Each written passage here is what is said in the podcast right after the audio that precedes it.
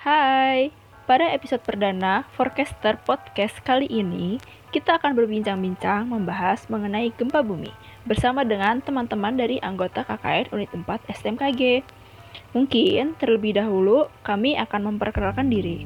Saya sendiri sebagai host, yaitu Azandi Putri Widowati dari jurusan Instrumentasi MKG. Bersama dengan dua teman saya, Halo, saya Sepin Ari Kurniawanto dari jurusan Meteorologi. Saya Saidi Abdillah dari jurusan Meteorologi. dan ada satu lagi teman kita di belakang layar, yaitu Danu Danardi. Mungkin kita bisa langsung aja ya masuk ke pembahasan kita pada episode perdana kali ini.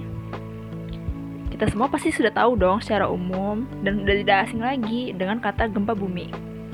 Tapi sebenarnya apa sih gempa bumi tersebut? Nah, mungkin coba saya jelaskan sedikit ya mengenai gempa bumi ini. Jadi, gempa bumi ini merupakan eh, suatu goncangan tanah secara tiba-tiba yang disebabkan oleh lewatnya gelombang seismik yang melalui batuan bumi. Mungkin seperti itu. Wah, dari penjelasan Sepin mengenai gempa bumi, disebutkan tentang gelombang seismik. Kalau begitu, apa sih gelombang seismik itu? Gelombang seismik itu merupakan gelombang yang menjalar dari pusat gempa bumi. Gempa bumi paling sering terjadi di sepanjang patahan geologi, di mana zona sempit di masa batuan bergerak dalam hubungan satu sama lain. Garis patahan utama dunia terletak di pinggiran lempeng tektonik besar yang membentuk kerak bumi. Pada umumnya, dalam penyampaian informasinya, gempa bumi ini menggunakan skala apa? Jadi, dalam penyampaian informasi gempa bumi ini, skala yang paling umum digunakan itu adalah skala magnitudo. Nah, contohnya itu misal eh, gempa 3 magnitud atau lebih itu sebagian besar dapat dirasakan efek guncangannya. Namun, untuk dampak kerusakannya itu sangat minim. Sedangkan eh, jika besaran gempanya itu 7 magnitud atau lebih, itu dapat berpotensi menyebabkan kerusakan serius di daerah yang luas. Kira-kira dalam mengukur kekuatan gempa bumi yang terjadi, apa alat yang digunakan? Apakah ada alat khusus yang digunakan? Untuk alat ukurnya sendiri biasanya digunakan alat seismograf dan akselerograf.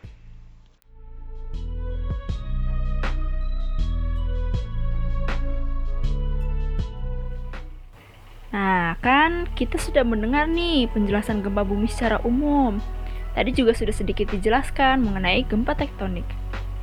Lalu, apakah ada jenis gempa bumi yang lain? Dan apa saja penyebabnya?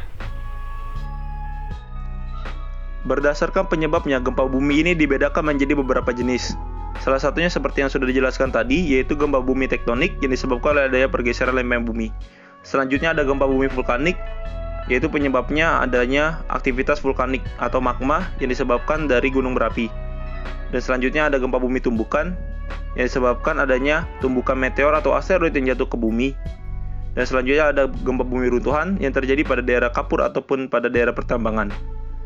Dan terakhir adalah gempa bumi buatan yang disebabkan oleh aktivitas dari manusia, seperti peledakan dinamit, nuklir, atau palu yang dipukulkan ke permukaan bumi. Nah, mungkin eh, sebagai informasi tambahan aja ya buat teman-teman ini.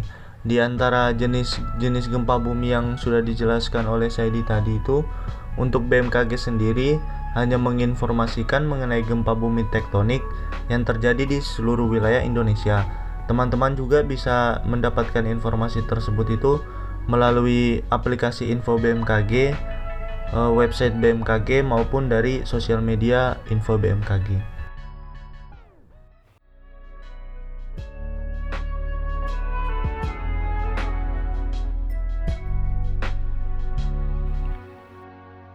Wah, kan sudah dijelaskan nih secara rinci mengenai gempa bumi oleh teman kita Syaidi dan Sepin. Kira-kira dampak apa saja sih yang ditimbulkan dari terjadinya gempa bumi? Untuk dampak dari gempa bumi sendiri, seperti yang kita semua ketahui ya bahwa gempa bumi ini dapat menimbulkan kerugian baik dari segi fisik maupun moral. Dampak dari gempa bumi ini juga tentunya bisa dialami oleh siapa saja dengan dampak yang berbeda e, bergantung pada besar atau kecilnya kekuatan dari gempa bumi tersebut. Untuk menggambarkan dampak yang ditimbulkan akibat gempa bumi tersebut, BMKG menggunakan skala yang dinamakan dengan skala intensitas gempa bumi.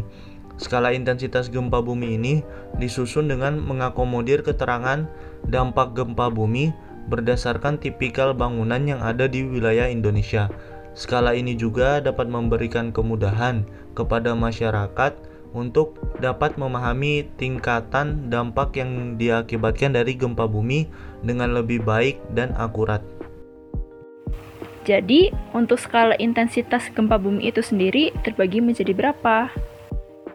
Skala intensitas gempa bumi atau SIG BMKG memiliki lima tingkatan yaitu pertama tingkatan 1, tergolong gempa yang tidak dirasakan, dalam artian gempa bumi ini tidak dapat dirasakan oleh orang yang berada jauh di pusat gempa. Dan gempa ini terekam oleh alat. Tingkatan 2, gempa bumi yang dirasakan. Dalam artian gempa ini dirasakan oleh orang banyak tetapi tidak menimbulkan kerusakan. Benda-benda ringan yang digantung bergoyang dan jendela kaca bergetar. Tingkatan 3, gempa bumi yang menimbulkan kerusakan ringan. Bagian non-struktur bangunan mengalami kerusakan ringan, seperti retak rambut pada dinding, atau bergeser ke bawah, dan sebagian keberjatuhan. Tingkatan 4. Gempa bumi yang menimbulkan kerusakan sedang, banyak retakan terjadi pada dinding bangunan sederhana. Sebagian roboh, kaca pecah, sebagian plester dinding lepas, hampir sebagian besar atau bergeser ke bawah atau jatuh.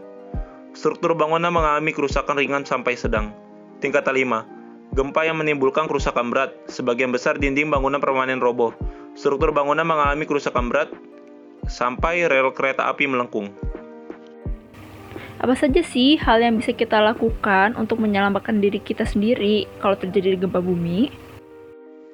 Apabila gempa bumi terjadi, maka kita segera berlari ke lapangan atau ke daerah terbuka yang tidak ada bangunan tinggi atau pohon. Jika kita di dalam ruangan, bisa dengan berlindung di bawah kolong meja.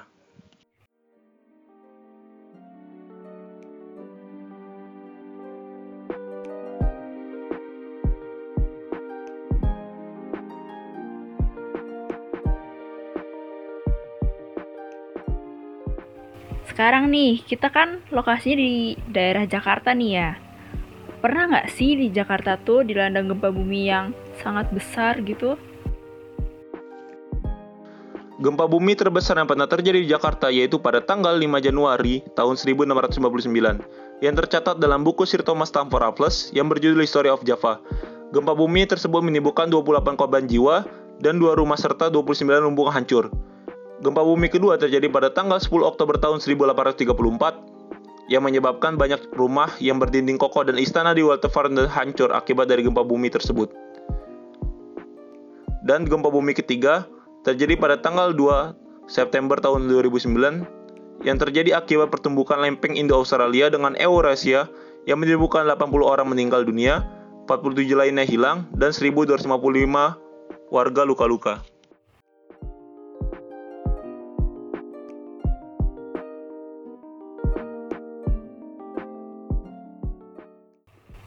Menarik sekali ya topik pembahasan kita pada episode perdana Forecaster Podcast kali ini. Kita udah berbincang panjang lebar nih mengenai gempa bumi. Semoga Forecaster Podcast di episode perdana ini dapat bermanfaat bagi teman-teman yang mendengarkan dan juga nantikan episode-episode Forecaster berikutnya.